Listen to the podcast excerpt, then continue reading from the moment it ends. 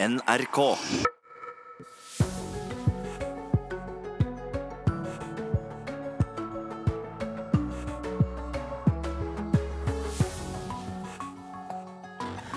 Dette får konsekvenser, sier den russiske ambassaden etter at det ble klart at Norge utviser en diplomat.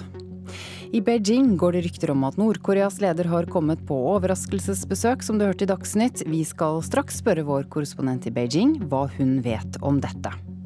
De gjør mye bra, men eh, jeg syns også de Det er mange saker som viser til at de også gjør mye feil. Ja, Det er altså sånn at én av fire nordmenn har liten eller ingen tillit til barnevernet. Det viser den første undersøkelsen som har kartlagt holdningene våre på dette. Australia har i natt valgt å utvise to russiske diplomater i solidaritet med Storbritannia etter giftangrepet i Salisbury. Til sammen er nå 138 russiske diplomater utvist fra 23 land. Denne konflikten er med den russiske staten og ikke med russerne, sier statsministeren i Australia, Michael Turnbull. Australia has no dispute with the Russian people. This is about the actions of the Russian government. We cannot and will not stand by and watch when the sovereignty of our allies and partners is threatened. Enda ei kunngjøring om solidaritet, denne gangen fra Australia. Vi kan ikke se på at våre allierte blir truga, sier statsminister Michael Turnbull, og forteller at Australia har valgt å utvise to russiske diplomater som de mener er etterretningsagenter. De har fått sju dager til å forlate Australia. Ifølge Turnbull er angrepet i Salisbury en del av et større mønster av omsynsløs oppførsel fra Russland, og det er en trussel mot den internasjonale tryggheten. It reflects a pattern of recklessness and aggression by the Russian government, including the annexation of Crimea, the invasion of the eastern Ukraine, the downing of MH17, cyber attacks, and efforts to manipulate Western. I går kunngjorde det ene landet etter det andre at de velger å utvise russiske diplomater. Dette er den største kollektive utvisinga siden andre verdenskrig, sa statsminister Theresa May i parlamentet i går. Og i går kveld ble det klart at også Norge utviser én diplomat. Det er uakseptabelt å bruke kjemivåpen, og det er første gang siden andre verdenskrig det brukes på europeisk jord. Eh, og Derfor er vi sammen med våre allierte og partnere i å utvise en russisk diplomat. Det sa utenriksminister Ine Eriksen Søreide. Men Russland nekter for å ha hatt noe med Salisbury-angrepet å gjøre, og har allerede gjort det klart at de kommer til å svare på utvisningene. Den russiske ambassaden i Oslo har også advart om at utvisningene kommer til å få konsekvenser. Ja, det sa til slutt utenriksreporter Marte Halsør. Den, det norske utenriksdepartementet utviser altså én diplomat eh, ved den russiske ambassaden i Oslo. Korrespondent i Moskva, Morten Jentoft, eh, du er med oss nå. Den russiske ambassaden i Norge varsler at utvisningen vil få konsekvenser som Norge må bære ansvaret for. Ja, det er eh, formuleringen som brukes. Hva slags konsekvenser kan det være? I første omgang så vil det vel bli et uh, svar der man også da utviser en norsk diplomat uh, her i uh, Russland. Det kan enten være her i Moskva, men det kan også være ved generalkonsulatene i St. Petersburg og eh, Murmansk. Det kommer jo litt an på hvilken person, på hvilket nivå Norge har utvist eh, eh den russiske diplomaten i, eh, i, Oslo. Men det kan også få ytterligere konsekvenser. Vi så at eh, i forholdet til USA eh, så valgte man å gå et steg videre. nei, i forhold til Storbritannia, unnskyld. i forbindelse med utvisningene der, så valgte man å gå et steg videre. Stenger altså generalkonsulatet i St. Petersburg. Stenger også eh, kulturorganisasjonen British Council. Så hvis eh, russerne velger å uh, gå et steg videre, altså å straffe Norge ytterligere, ja, så kan det, kan det bli altså ytterligere tiltak utover det å utvise en person. Ja, Den tidligere norske grenseoffiseren Frode Berg sitter jo fengslet i Russland anklaget for spionasje. Eh, kan det som skjer nå påvirke hans sak? Det kan det faktisk gjøre. Det er nesten umulig å si at det ikke kommer til å gjøre det også. Eh, eh, dette er jo allerede selv om det ble avvist fra norske myndigheter, en, en, sak som ligger i kulissene i forholdet mellom Norge og Russland. Russerne kan velge å kjøre en strammere linje når det gjelder f.eks. tilgangen til eh, Frode Berg. Eh, vi vet jo at bl.a. biskopen i Nord-Hålogaland har planlagt å besøke ham nå i, eh, i april. Eh, og eh, det er vel lite trolig at det kommer til å skje noe spesielt i denne saken før han eventuelt blir stilt da for, for retten. Sånn at eh, det politiske politiske klimaet som er nå, det kan komme til å påvirke også situasjonen for Frode Berg. Og generelt, hvordan er reaksjonen i Russland på straffereaksjonen fra disse 23 landene? Ja, Russiske myndigheter har jo gjentatt det de har sagt eh, mange ganger tidligere. Kom med bevisene. Bevis det som eh, britiske myndigheter har gått hardt ut på banen og sagt at her leder sporene direkte til president Vladimir Putin. Nettopp denne uttalelsen tror jeg nok har gjort mange eh, russere eh, ganske forferdet. At man på en måte peker rett på presidenten her. Det er nok mange her som forstår at eh, det er en del spor som leder til Russland, kanskje også til de hemmelige tjenester. Men det å på en måte utpeke landets leder som ansvarlig for dette, her, det eh, har fått mange til å, å riste eh, litt på hodet og se på det som nå skjer, da, som en generell eh, eh straff, et generelle straffetiltak rettet mot eh, Russland. Og en del av det som man her karakteriserer som en russofobi som går over hele den vestlige verden akkurat nå. Da kan vi minne om at eh, den uh, australske statsministeren altså nå sier at denne konflikten er med den russiske staten og ikke med russerne. Takk til deg, korrespondent i Moskva, Morten eh, Jentoft.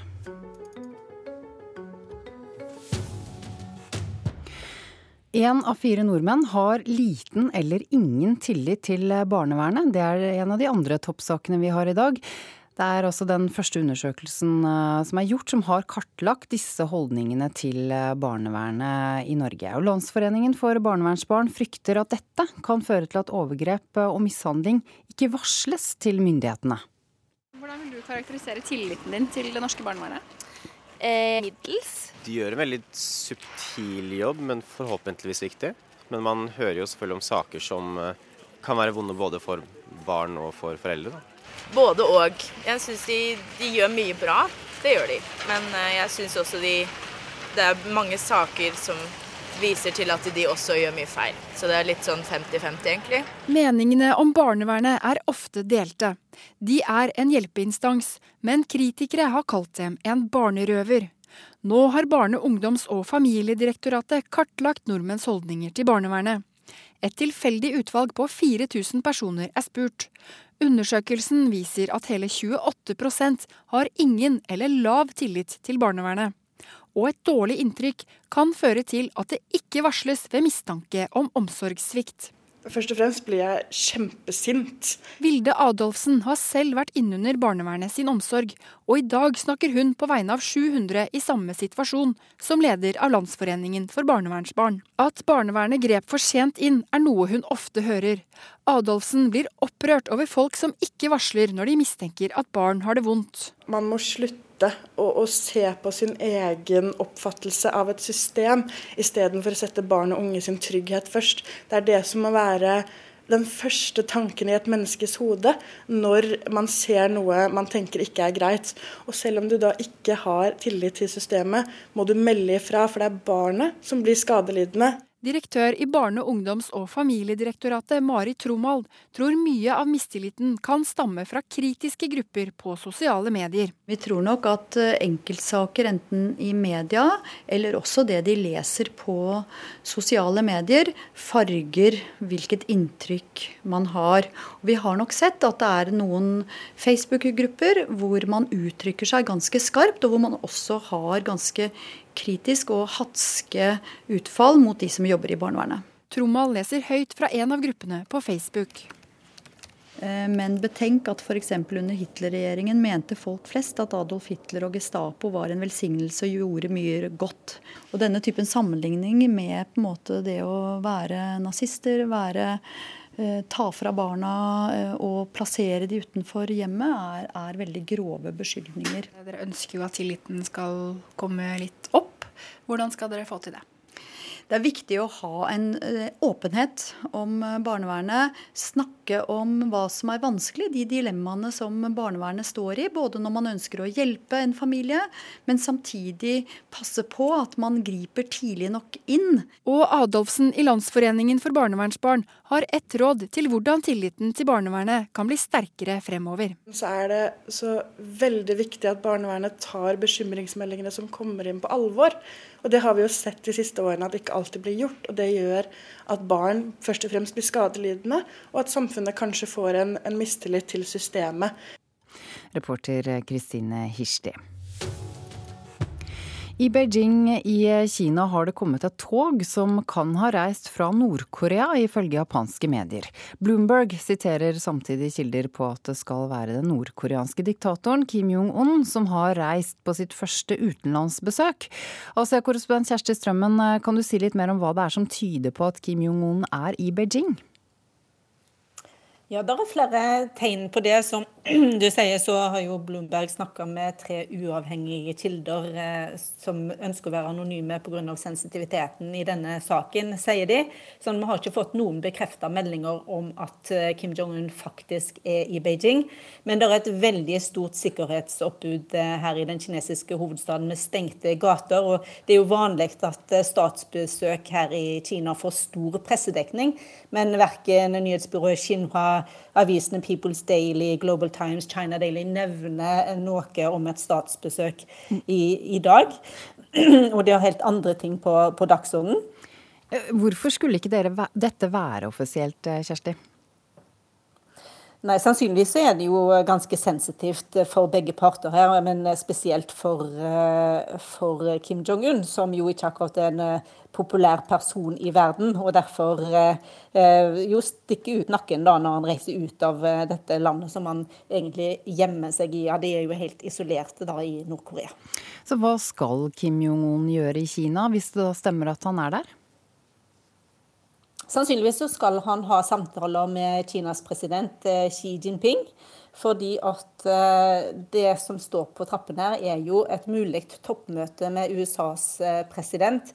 Og Nord-Korea har ikke svart på om de faktisk går for det eller ikke. Så det har vi jo venta på tegn på. Og sannsynligvis så vil da Nord-Korea diskutere situasjonen med Kina, som er den nærmeste allierte, men som en har fått et litt surt forhold til de siste månedene. Nettopp fordi at eh, Nord-Korea jo eh, er ikke spesielt glad for at Kina har vært med på disse strenge sanksjonene, FN-sanksjonene mot landet. Og Kina er ikke begeistra for eh, at Nord-Korea trapper, eh, trapper, opp sitt atomvåpenprogram. Men trass alt det så er de nærmeste allierte, og at eh, både Kina og Nord-Korea kan da nytte godt av å samarbeide om hvordan veien videre skal gå. Så vi kan si at et uh, slikt besøk i så fall betyr at forholdet er under bedring eller i bedring? Ja, Iallfall er det ekstremt viktig for Kina å følge tett med på hva som foregår på den koreanske halvøya, som jo er i bakgården. Eh, og for Nord-Korea så er jo ganske spesielt hvis de nå endelig skal få møte um, den amerikanske presidenten, så vil de jo sannsynligvis gjerne ønske å ha Kina i ryggen på det. Da følger vi med på det som skjer i Beijing. Takk til deg så langt, Asia-korrespondent Kjersti Strømmen.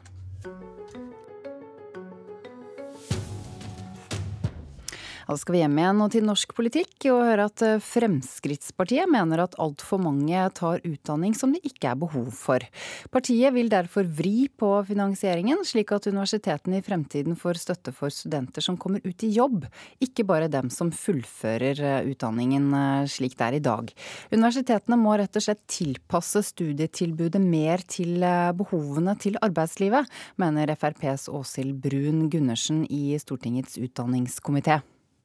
Ja, Universitetet bør se på statistikk og mange av studentene sine som har kommet inn i relevante jobber etter endt utdannelse, og da dimensjonere kullet etter det. Og Hvis ikke de gjør det, så blir vi nødt på Stortinget, jeg mener Fremskrittspartiet, å styre den finansieringsordninga sånn at det lønner seg for universitetet å prioritere studier som eh, fører til jobb, og ikke til arbeidsledighet. Hensikten er å skaffe arbeidslivet den kompetansen som faktisk trengs. Vi mangler i norsk eh, samfunn i dag 2000 personer med kompetanse innen IKT og datasikkerhet. Det er 2000 studenter som universitetene burde ha utdannet til. Istedenfor så velger de studier som er eh, mer populære kanskje for studentene å gå på, men som ikke fører til jobb i andre enden. Norge har ikke råd til å utdanne folk i fag som samfunnet ikke etterspør, mener Brun Gundersen. Samtidig etterlyser hun bedre informasjon fra universitetene til studentene om sjansen til å få jobb. Og Da bør man kanskje legge til grunn eh, statistikk for de siste fem kulla. Hvor mange av de er det som faktisk er ute i relevant jobb? Eh, jeg bare googla og fant ut hva jobbmulighetene var. Det er så mange nyttige nettsider her som eh, forteller alt om jobbmuligheter i Norge. Så. Det sier Kira, som vi treffer på Oslo Mitt storbyuniversitet, hvor hun studerer bibliotek og informasjonsvitenskap. Studentkollega Morten syns ikke det var så enkelt å orientere seg i jobbuniverset. Ja, Det kunne iallfall helt klart vært lettere, syns jeg, da. Det er ikke bare bare. Han begynte med informatikk, men skiftet studieretning underveis. Når jeg studerte informatikk, så var det litt sånn for bredt, da. Så jeg visste ikke helt hva jeg kom til å ende opp med å jobbe med. Så derfor er bibliotek, da blir du jo bibliotekar, liksom. Rice er rektor ved Oslo OsloMet. Studentene som studerer ved Oslo OsloMet, får seg en jobb. 70% av studentene får jobbtilbud mens de er under utdanning, og etter to år er det bare 2% som oppgir at de ikke har jobb. Og Sånn sagt så opplever jeg at vi responderer på de behovene som arbeidslivet eh, fremmer. Så jeg oppfatter ikke at vi har behov for mer styring av det. Det gjør jeg ikke. Jeg syns at vi treffer ganske godt sånn som det er i dag. Når det gjelder finansieringen, viser han til at den nylig er lagt om, med støtte av Frp. Han etterlyser i stedet bedre ordninger for finansiering av nødvendig videreutdanning, livslang læring. Den delen av høyere utdanningsvirksomheten trenger oppmerksomhet, og jeg hadde vært veldig glad for det hvis Fremskrittspartiet valgte å komme med noen eh, dristige forslag der. Reporter Katrin Hellesnes hadde sett på denne saken. Og det blir eh, debatt om akkurat dette i Politisk kvarter i dag, Håvard Grønli? Ja, for når eh, samfunnet bruker masse penger på å utdanne ungdommen vår, så er det jo avgjørende at vi skaffer til veie den kompetansen vi faktisk trenger i samfunnet, kan en jo tenke. Eller så kan en innvende at det er grenser for hvor detaljert det er lurt at politikerne skal styre det her. Og det skal forslagsstilleren fra Frp her få diskutere med Venstres minister for høyere utdanning. Og så snakker vi med Høyres mann i utenrikskomiteen og spør om det bare er lurt av Norge å være med på utvisning av russiske diplomater. Ja, norsk og internasjonal politikk i Politisk kvarter klokken 7.45 om eh, ja, ikke så lenge. Klokken er 7.20 eh, nemlig, og det er Nyhetsmorgen du lytter til. Dette er noen av sakene. Én av fire nordmenn har liten eller ingen tillit til barnevernet. Dette får konsekvenser for Norge, sier den russiske ambassaden. Etter at det i går ble klart at Norge utviser en diplomat som en reaksjon på giftangrepet i Salisbury. Og den eh, nordkoreanske diktatoren Kim Jong-un skal være i Beijing i Kina, melder flere kilder, men dette er altså ikke offisielt bekreftet ennå. Det er påske, og da mm, passer det jo bra å mm, ta en titt på hvordan det mm, er i Vatikanet for tiden. Og der eh, stormer det faktisk. I forrige uke så trakk kommunikasjonssjefen seg i Vatikanet etter det som kalles Lettergate-skandalen. Vatikanets egen PR-strateg hadde skjult deler av et brev skrevet av den forrige paven, og det blir det bråk om. Søndag var det palmeprosesjon på Petersplassen til minne om Jesu inntog i Jerusalem. Paven talte til unge katolikker fra hele verden.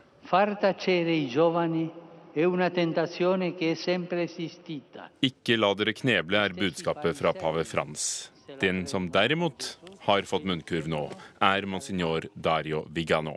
Han her som bare for to uker siden leste høyt og viste frem et brev fra den forrige paven, pave Benedikt den 16. For å reklamere for en serie på elleve små bøker som handler om pave Frances teologiske tankegods. Pave Emeritus Benedikt skriver at han synes det er en god idé med bøker som viser at det ikke er noen motsetning mellom ham, den gamle paven, og den nye. Det monsignor Viganot hoppet over, var de to siste setningene, og det ble også gjort uleselig i fotografiet folk fikk se. Der skriver Bendikt at ikke bare har han annet å gjøre, men at han aldri vil lese bøkene fordi to av forfatterne er hans uttalte motstandere. Men pressen fikk tak i brevet, usladdet. Avsløringen av forsøket på å manipulere brevet ble spesielt pinlig, siden det kom bare få uker etter at pave Frans overfor pressen slo ned på problemet med falske nyheter.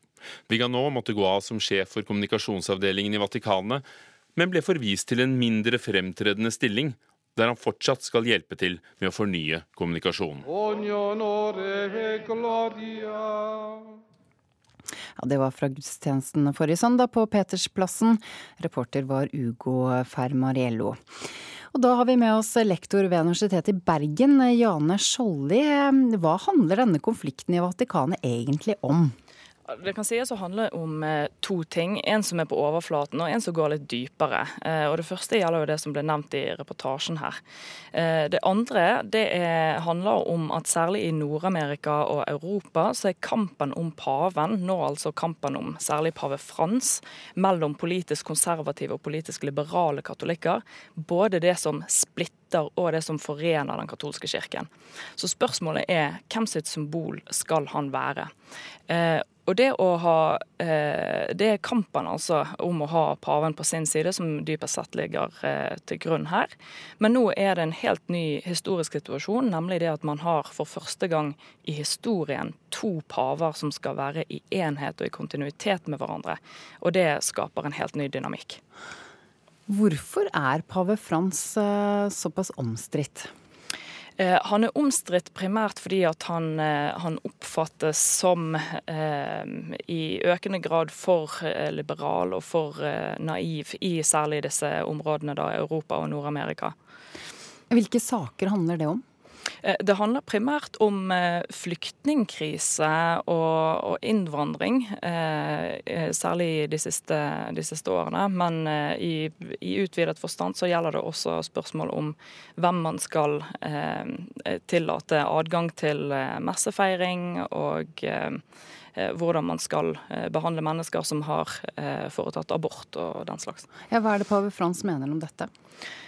Han har eh, eh, Altså, under nådens år, som var eh, for et par år tilbake, et jubileumsår, så eh, eh, så oppfordret han prester til å ta imot skriftemål fra kvinner som har foretatt abort. Og eh, han har også hevdet at, og tillatt lutheranere som er gift med katolikker, å også delta fullstendig på katolsk messe. Kan du si litt mer om akkurat hvem motstanderne til pave Frans er da? Ja, det er jo da de som eh, i utgangspunktet mener at han er for eh, eh, naiv og for liberal på, eh, på disse politiske, eh, også kirkepolitiske sakene, og i nyere tid også særlig katolske nasjonalister. Og Det ser vi et eksempel på blant f.eks. polske og ungarske katolske nasjonalister, hvor eh, pave Frans sine formaninger om å ta imot flyktninger ikke blir spesielt godt mottatt. Og så blir det en fredelig påskefeiring i Vatikanet i år? Ja, de har mye å gjøre denne uken, så feiringen i seg sjøl blir nok veldig fredelig. Ehm, men ehm, nå på skjærtorsdag så skal Frans igjen vaske føttene til et utvalg mennesker, på modell av at Jesus ifølge evangeliene vasket eh, føttene til sine disipler. Og Han har tidligere brukt ritualet til å vise at kristne skal tjene andre mennesker, uansett kjønn, religion og sosial status. Og vi kan nok forvente at han vil gjøre noen sånne symbolske grep i år også. Og så skal han vel holde en viktig tale også denne påsken. Hva tror du blir budskapet hans? Ja, Det er vanskelig å si eh, sånn i utgangspunktet. Eh, kan ikke spå inn i krystallkulen, men, eh, men jeg, vil få, eh, jeg, vil nok forvente at det vil handle noe om, om kirkelig eh, Noe som vil kunne føre til kirkelig enhet fra hans side. Men hva betyr det da egentlig at kommunikasjonssjefen er sparket? Hvilke konsekvenser får det?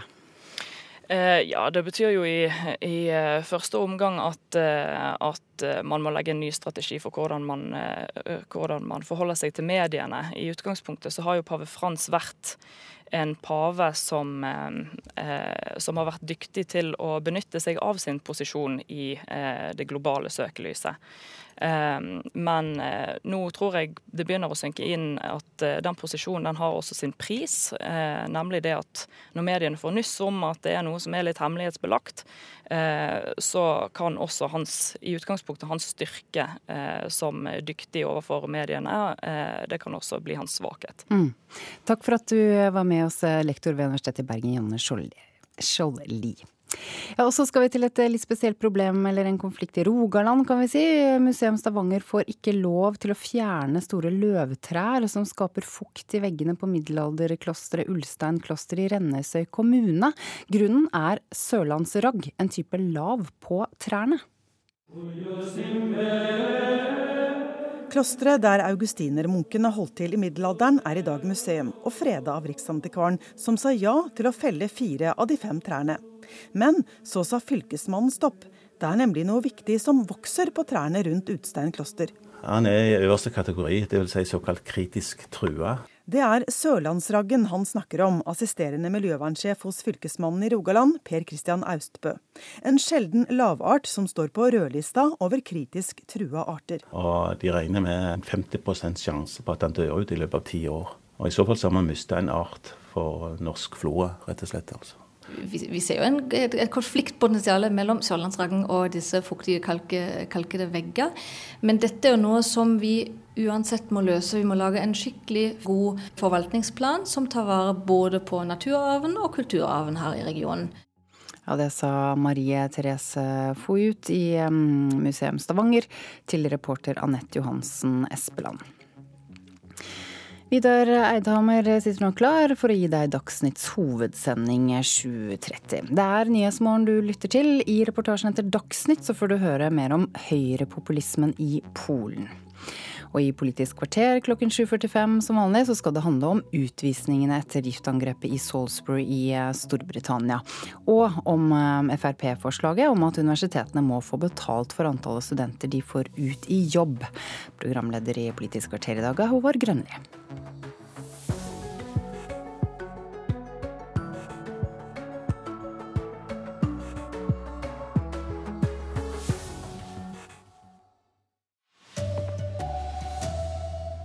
Én av fire nordmenn har ingen eller låg tillit til barnevernet. Den nordkoreanske diktatoren Kim Jong-un kan ha reist på sitt første utenlandsbesøk. Fremskrittspartiet vil gi støtte til universitetene ut fra hvor mange som faktisk får jobb etter studiene. Her er NRK Dagsnytt klokka 7.30. Én av fire nordmenn har låg eller ingen tillit til barnevernet. Det syner den første undersøkelsen som har kartlagt handlingene til institusjonen. Landsforeninga for barnevernsbarn frykter det kan føre til at overgrep eller mishandling ikke blir varsla til styresmaktene. Middels. De gjør en veldig subtil jobb, men forhåpentligvis viktig. Både og, så det er litt sånn 50-50, egentlig. Meningene om barnevernet er ofte delte. De er en hjelpeinstans, men kritikere har kalt dem en barnerøver. Nå har Barne-, ungdoms- og familiedirektoratet kartlagt nordmenns holdninger til barnevernet. Undersøkelsen viser at hele 28% har ingen eller lav tillit til barnevernet og et dårlig inntrykk kan føre til at det ikke varsles ved mistanke om omsorgssvikt. Først og fremst blir jeg kjempesint. Vilde Adolfsen har selv vært innunder barnevernet sin omsorg som leder av Landsforeningen for barnevernsbarn. At barnevernet grep for sent inn, er noe hun ofte hører. Selv om du da ikke har tillit til systemet, må du melde ifra, for det er barnet som blir skadelidende. Direktør i Barne-, ungdoms- og familiedirektoratet Mari Tromald tror mye av mistilliten kan stamme fra kritiske grupper på sosiale medier. Det de leser på sosiale medier farger hvilket inntrykk man har. Og vi vil selvfølgelig eh, arbeide for at man øker tilliten til barnevernet. Adolfsen i Landsforeningen for barnevernsbarn har ett råd til hvordan tilliten til barnevernet kan bli sterkere fremover. Så er det så veldig viktig at barnevernet tar bekymringsmeldingene som kommer inn på alvor. Og Det har vi jo sett de siste årene at det ikke alltid blir gjort. og Det gjør samfunnet kanskje får en, en mistillit til systemet. Reporter Kristine Hirsti. Australia har i natt valgt å utvise to russiske diplomater i solidaritet med Storbritannia etter giftopptaket i Salisbury. Til sammen er 138 russiske diplomater utviste fra 23 land. Konflikten er med den russiske staten og ikke med russerne, sier den australske statsministeren Malcolm Turnbull. This is about the actions of the Russian government. We cannot and will not stand by and watch when the sovereignty Enda ei kunngjøring om solidaritet, denne gangen fra Australia. Vi kan ikke se på at våre allierte blir truga, sier statsminister Malcolm Turnbull, og forteller at Australia har valgt å utvise to russiske diplomater som de mener er etterretningsagenter. De har fått sju dager til å forlate Australia. Ifølge Turnbull er angrepet i Salisbury en del av et større mønster av omsynsløs oppførsel fra Russland, og det er en trussel mot den internasjonale tryggleiken. It reflects a pattern of recklessness and aggression by the Russian government, including the annexation of Crimea, the invasion of the eastern Ukraine, cyber attacks, and efforts to manipulate Western nations' elections. I går kunngjorde det ene landet etter det andre at de vil å utvise russiske diplomater. Og i går kveld ble det klart at også Norge utviser en diplomat. Det er uakseptabelt å bruke kjemivåpen, og det er første gang siden andre verdenskrig det brukes på europeisk jord. Eh, og Derfor er vi sammen med våre allierte og partnere i å utvise en russisk diplomat. Det sa utenriksminister Ine Eriksen Søreide. Men Russland nekter for å ha hatt noe med Salisbury-angrepet å gjøre, og har allerede gjort det klart at de kommer til å svare på utvisningene. Den russiske ambassaden i Oslo har også advart om at utvisninga kommer til å få konsekvenser. Reporter Marte Halsør. Ja, Moskva-korrespondent Morten Jentoft, eh, hva konsekvenser eh, kan bli aktuelle? Det mest aktuelle er jo at russerne svarer med samme mynt, altså utviser én norsk eh, diplomat fra Russland, enten er fra Moskva eller fra generalkonsulatene i St. Petersburg eller eh, Murmansk. Foreløpig har ikke den norske ambassaden fått noen opplysninger om, eh, om, eh, dette. Men så spørs det om man går et steg videre, sånn som man gjorde overfor Storbritannia.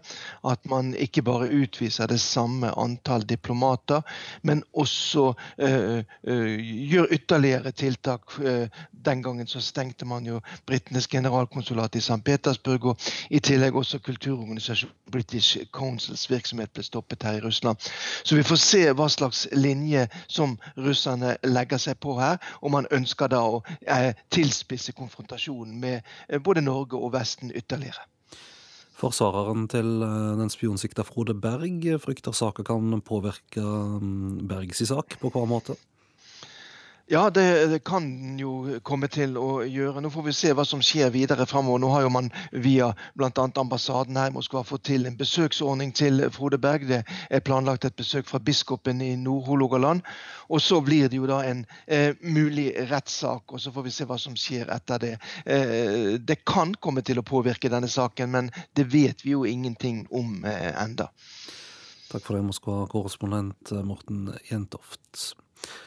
Et eh, nordkoreansk tog skal ha kommet til den kinesiske hovedstaden Beijing, ifølge japanske medium. Bloomberg siterer samtidig kjelder på at det skal være den nordkoreanske diktatoren Kim Jong-un som har reist på sitt første utenlandsbesøk. Asia-korrespondent eh, Kjersti Strømmen, hva mer vet du om dette? Ja, først og fremst så vet vi at det er et stort hemmelighetskremmeri rundt dette. For det er ingen kinesiske medier som melder noe som helst om, et, eh, om at eh, Kim Jong-un skal være i Beijing. Men samtidig så er det et stort sikkerhetsoppbud i den kinesiske hovedstaden. Og det tyder alltid på at det er en uh, viktig person i byen. Her er det stengte gater og mye politi, og spesielt da rundt dette gjestehuset Diaoyotai som brukes til, til statsbesøk. Og så er det altså dette toget som er kommet til Beijing, da, som eh, skal ha vært det samme, eller ligne iallfall på det som eh, faren hans brukte da han sist var i Beijing, like før han døde, og like før Kim Jong-un eh, kom til makta i 2011. Og så har man òg sett at i Dandong, grensebyen på den kinesiske siden av grensa, har det òg vært et veldig stort sikkerhetsoppbud de siste dagene. Hva skal han i Beijing dersom han er der?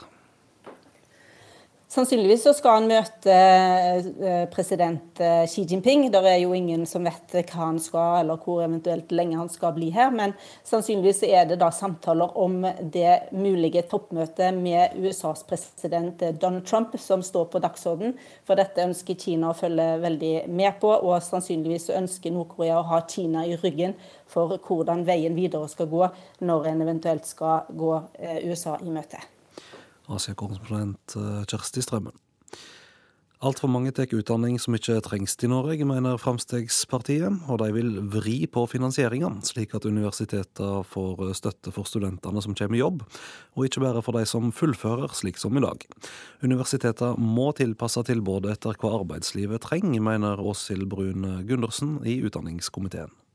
Og Hvis ikke de gjør det, så blir vi nødt på Stortinget, mener Fremskrittspartiet, å styre den finansieringsordninga, sånn at det lønner seg for universitetet å prioritere studier som fører til jobb, og ikke til arbeidsledighet. Hun mener universitet og høyskoler må justere inntaket til ulike studier ut fra tallet på studenter som har fått en jobb de er utdannet til. Hensikten er å skaffe arbeidslivet den kompetansen som faktisk trengs. Vi mangler i norsk eh, samfunn i dag 2000 personer med kompetanse innen IKT og datasikkerhet. Det er 2000 studenter som universitetene burde ha utdannet til. Istedenfor så velger de studier som er eh, mer populære kanskje for studentene å gå på, men som ikke fører til jobb i andre enden. På Oslo OsloMet storbyuniversitet treffer vi Morten, som studerer bibliotek og informasjonsvitenskap. Muligheten til jobb var viktig for studievalget.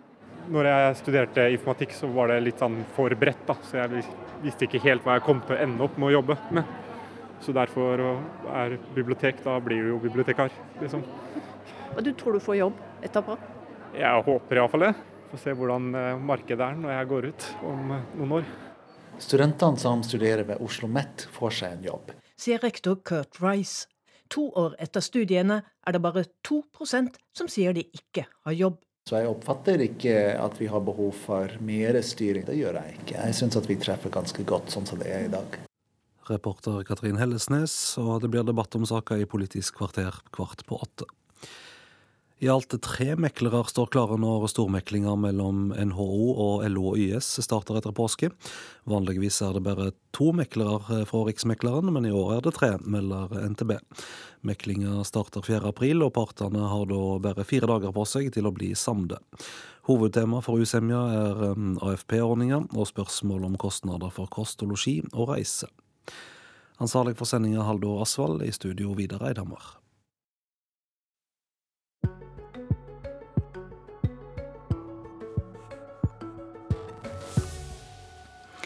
Nå skal vi til Polen, for den tidligere forsvars- og utenriksministeren der, Radoslav Sikorski, er sterkt kritisk til høyrepopulistene i landet sitt. Men han mener likevel at EU bør sette inn militære styrker for å stanse flyktningstrømmen til Europa. Korrespondent eh, Gro Holm har møtt ham. Warszawa 11.11. i fjor. Polen feirer sin uavhengighetsdag. 60 000 mennesker bruker dagen til å demonstrere mot innvandring, med slagord som et rent Polen, et hvitt Polen og 'flyktninger, ha dere ut'. Polen holder fast på sitt nei til EUs flyktningpolitikk, som fra 2015 ville betydd 6200 flyktninger, hovedsakelig fra Syria, til et Polen som har 38 millioner innbyggere. Bo bycie w Unii Europejskiej to nie znaczy zgadzanie się na poprawność polityczną. Det er ingenting mer verdifullt enn vårt hjemlands frihet. Det å være i EU er ikke det samme som blind lydighet overfor den politiske korrektheten, sa daværende statsminister Beata Sydlo fra det regjerende Lov- og rettferdighetspartiet i fjor sommer. If we uh, want to stop uh, populism rising further, we should address the issue that gave them credibility, namely the sense of a loss of control over the perimeter and, un and, and unrestricted immigra immigration. Hvis vi ønsker å hindre at populismen vokser seg enda sterkere, må vi takle spørsmålet som sikrer dem troverdighet, nemlig følelsen av å ha mistet kontroll og ukontrollert innvandring. Det sier Polens tidligere forsvars- og utenriksminister Radoslav Sikorski. Nå er han gjesteforsker ved Oxford i Storbritannia og Harvard i USA. Hans parti, det liberalkonservative, kristeligdemokratiske Borgerplattformen, er nå i opposisjon i Polen. I motsetning til Lov- og rettferdighetspartiet ønsker han seg mer makt til EU. I desember i fjor vedtok EU å opprette og å utplassere felles væpnede styrker. De bør brukes til å beskytte EUs yttergrense, mener Sikorski. The point is that on the other side of the Mediterranean, in the Middle East, with all the wars, and in Africa, with all the poverty, there is about a billion people who would rather live in a high welfare society Vi kan ikke romme alle på denne siden av dammen, legger den tidligere polske utenriksministeren til. Han mener at enhver polsk regjering har behov for å forsikre folket om at den har kontroll. Men partilederen i det regjerende Lov- og rettferdighetspartiet gikk mye lenger da flyktningstrømmen fra Syria var på sitt største. Også Jaroslav Kaczynski brukte Sverige som skremsel. Niech spojrzy choćby na Szwecję. 54 strefy, gdzie obowiązuje szariat i nie ma żadnej kontroli. I Sverige f.eks. er det 54 no go-soner med sharialov, der staten ikke har noen kontroll. Folk er redde for å heise det svenske flagget på skolen fordi det er et kors i det flagget. Svenske skolejenter kan ikke lenger gå med korte skjørt fordi det ikke blir akseptert.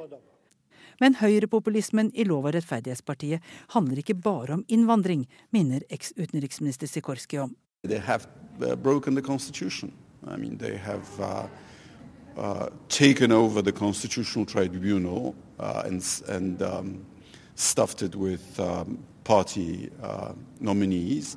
De har brutt med konstitusjonen og fylt opp konstitusjonsdomstolen med partifolk. Polen mangler et uavhengig system for vurdering av nye lover, sier Sikorski. Statlige media have been taken over by party propagandists. Statlige medier er overtatt av partiets propagandafolk og sikkerhetstjenestene, sier Sikorski. Dessuten har regjeringen vedtatt lover som gir kontroll med demonstrasjoner. Regjeringslojale organisasjoner kan leie offentlige plasser i tre år av gangen for å holde møter. Dermed holdes opposisjonen unna. Korrespondent Gro Holm hadde vært i Polen.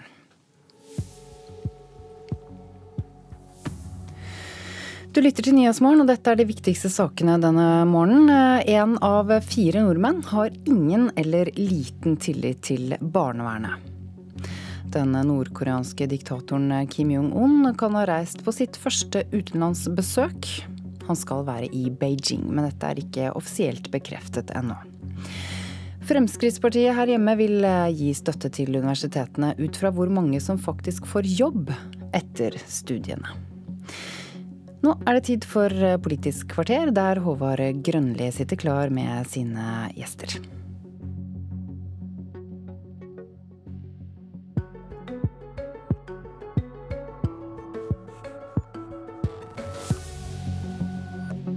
Hvor aktiv politisk styring skal vi ha av ungdommens utdanningsvalg? Universitetene må tilpasse seg arbeidslivet sine behov bedre, mener Frp. Men ministeren i deres egen regjering er ikke klar for linjeskift. Velkommen til Politisk kvarter, som sender direkte også på arbeidsdagene i den stille veka. Vi starter med den dramatiske diplomatiske situasjonen i verdenspolitikken. For etter, den, etter, at den diplomatiske reaksjonen med utspring i EU og USA har spredd seg, er nå rundt 100 russiske diplomater utvist fra 23 land. Utgangspunktet er nervegiftangrepet i Salisbury i Storbritannia mot en tidligere russisk dobbeltagent og dattera hans. Norge var ett av landene i rekka i går ettermiddag, da UD kunngjorde at også vi utviser en russisk diplomat. God morgen, Michael Tetzschner.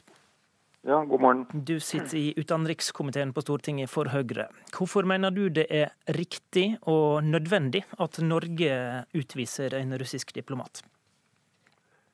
Ja, Det er viktig og riktig fordi det er snakk om en samordnet internasjonal markering av at det Storbritannia har vært utsatt for, nemlig bruk av militær nervegift på deres territorium for å ramme enkeltpersoner som er statsborgere av Storbritannia. Det er en grov suverenitetskrenkelse. Og da er det viktig å stå sammen med allierte i en slik situasjon. Mm. Nå mener jo russerne at det ikke er bevist at de står bak. Og så kan en jo åpenbart tenke at her er det tydelige indisium. Men Er det fornuftig å gå til et sånt dramatisk diplomatisk steg før det er ugjendrivelig bevist for offentligheten at dette var den russiske statens verk? Ja, nå er jo de bevisene som eh, er tilgjengelige, de er det jo britene som sitter på. Og eh, de har vært fremlagt i et EU-toppmøte i forrige uke. Og eh, da ble det også uttrykt en felleserklæring som sa at dette var en, en statsaksjon, og at det var vanskelig å se andre ansvarlige for denne handlingen enn en Russland. Hva oppnår en da? Eh, ja, ja unnskyld, fullfør. Og, og, og, derfor så var det ventet reaksjoner i, i, begynnelsen av denne uken vi nå er eh, inne i, så det er naturlig. Mm. Norge tar ikke stilling til verken uh, de enkelte påstander i saken eller de enkelte beviser. Vi stoler på de opplysningene som er kommet fra britene, og som er fremlagt internasjonalt. Mm, men en tar jo på en måte stilling når en blir med på aksjonen, gjør en ikke det da? Ja, man tar jo stilling til at vi stoler på de som er våre allierte, som er våre venner og som er våre samarbeidspartnere, og som eh, ser situasjonen på samme måten. Da tar vi stilling og eh, er med i en felles eh, markering. Hva oppnår en med å utvise, da? Hva er den positive effekten? Ja, For det første så er jo utvisning et uh, allment og akseptert uh, uttrykksmiddel, uh, for å si det slik. Um, som er en sterk markering, og som overlater til den andre parten å tenke gjennom om man vil fortsette med den belastningen som det er både på renommé og forbindelser, når man tross alt har foretatt en ganske grov krenkelse av suvereniteten til et annet land. Er dette en type sak der vi ikke har noe annet valg enn å vise solidaritet med Storbritannia og Theresa May, som jo er landet som er råka av angrepet? Ja, Norge har jo en selvstendig utenrikspolitikk. Men grunnen til at eh, det kan se ut som alternativene eh, ikke er til stede, er jo nettopp fordi vi eh, legger så stor vekt på å opptre samlet, opptre sammen med våre nordiske naboer. Eh, og at vi også stoler på de opplysninger som er fremkommet fra det landet som er rammet, nemlig Storbritannia, ved angrepet på eh, disse menneskene i Salisbury, som også førte til at 70 mennesker ble innlagt på sykehus for kortere tid. Eh, og det er snakk om militær nervegift som bare stater kan operere. Så når disse bevisene ble fremlagt, så er det ingen grunn til å trekke dem i tvil. Heller ikke når når Russland eh, ikke på noen måte vil bidra til å komme med sin versjon. Bare avvise dette eh, verbalt. Og Dette er jo også det man eh, tidligere har sett eh, går inn i, en, eh, i et reaksjonsmønster fra, fra, Russland. Og det er på tide å si fra mot det, da, mener du? Nei, det er på tide å slutte rekkene når en alliert og, og Storbritannia er blitt utsatt for det de er utsatt for. Og Vi kan også legge til at det er en stor manifestasjon av europeisk samstemthet i, i dette. Tyskland, som vanligvis er meget forsiktig i disse spørsmålene, eh, er, er, med på å utvise, og det gjør også Italia, eh, Frankrike, alle de store landene. 17 av 28 EU-land.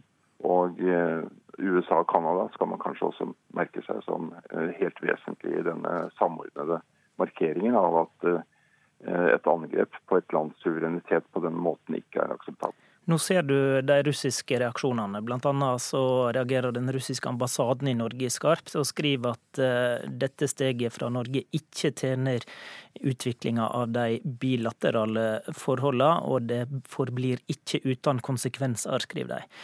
Ehm, risikerer Norge noe med denne måten å handle på? Nå er ikke dette et, eh, bilateral konflikt eh, mellom eh, Russland og Norge. Og men, men, det er jo russerne sin respons her? Ja, og lignende uttalelser utsteder vi nå til alle de land som vi er sammen med. Helt naturlig Og slutterekkene om, om, sammen med, med Storbritannia. Så det må man vente. Kommer som verbale svar på en, en runde med utvisning. Og da, og da lurer jeg på, Risikerer vi noe med den handlemåten når denne responsen kommer? Vi risikerer mer ved ikke å stå sammen med våre naturlige allierte, våre nordiske naboer. Jeg kan også legge til at eh, Finland og Sverige, Danmark, eh, er eh, også i, med, med, på dette, denne markeringen. Og det betyr at det er også en nordisk enhet som gjør at Norge ikke stikker seg spesielt frem. Eh, her er det en nordisk manifestasjon også, en nordeuropeisk og den transatlantiske manifestasjon. Så at dette skulle være en spesiell belastning til og fra i det norsk-russiske forhold, det er nok å overdrive norsk betydning. Takk for at du var med i Politisk kvarter, Mikael Tetzschner.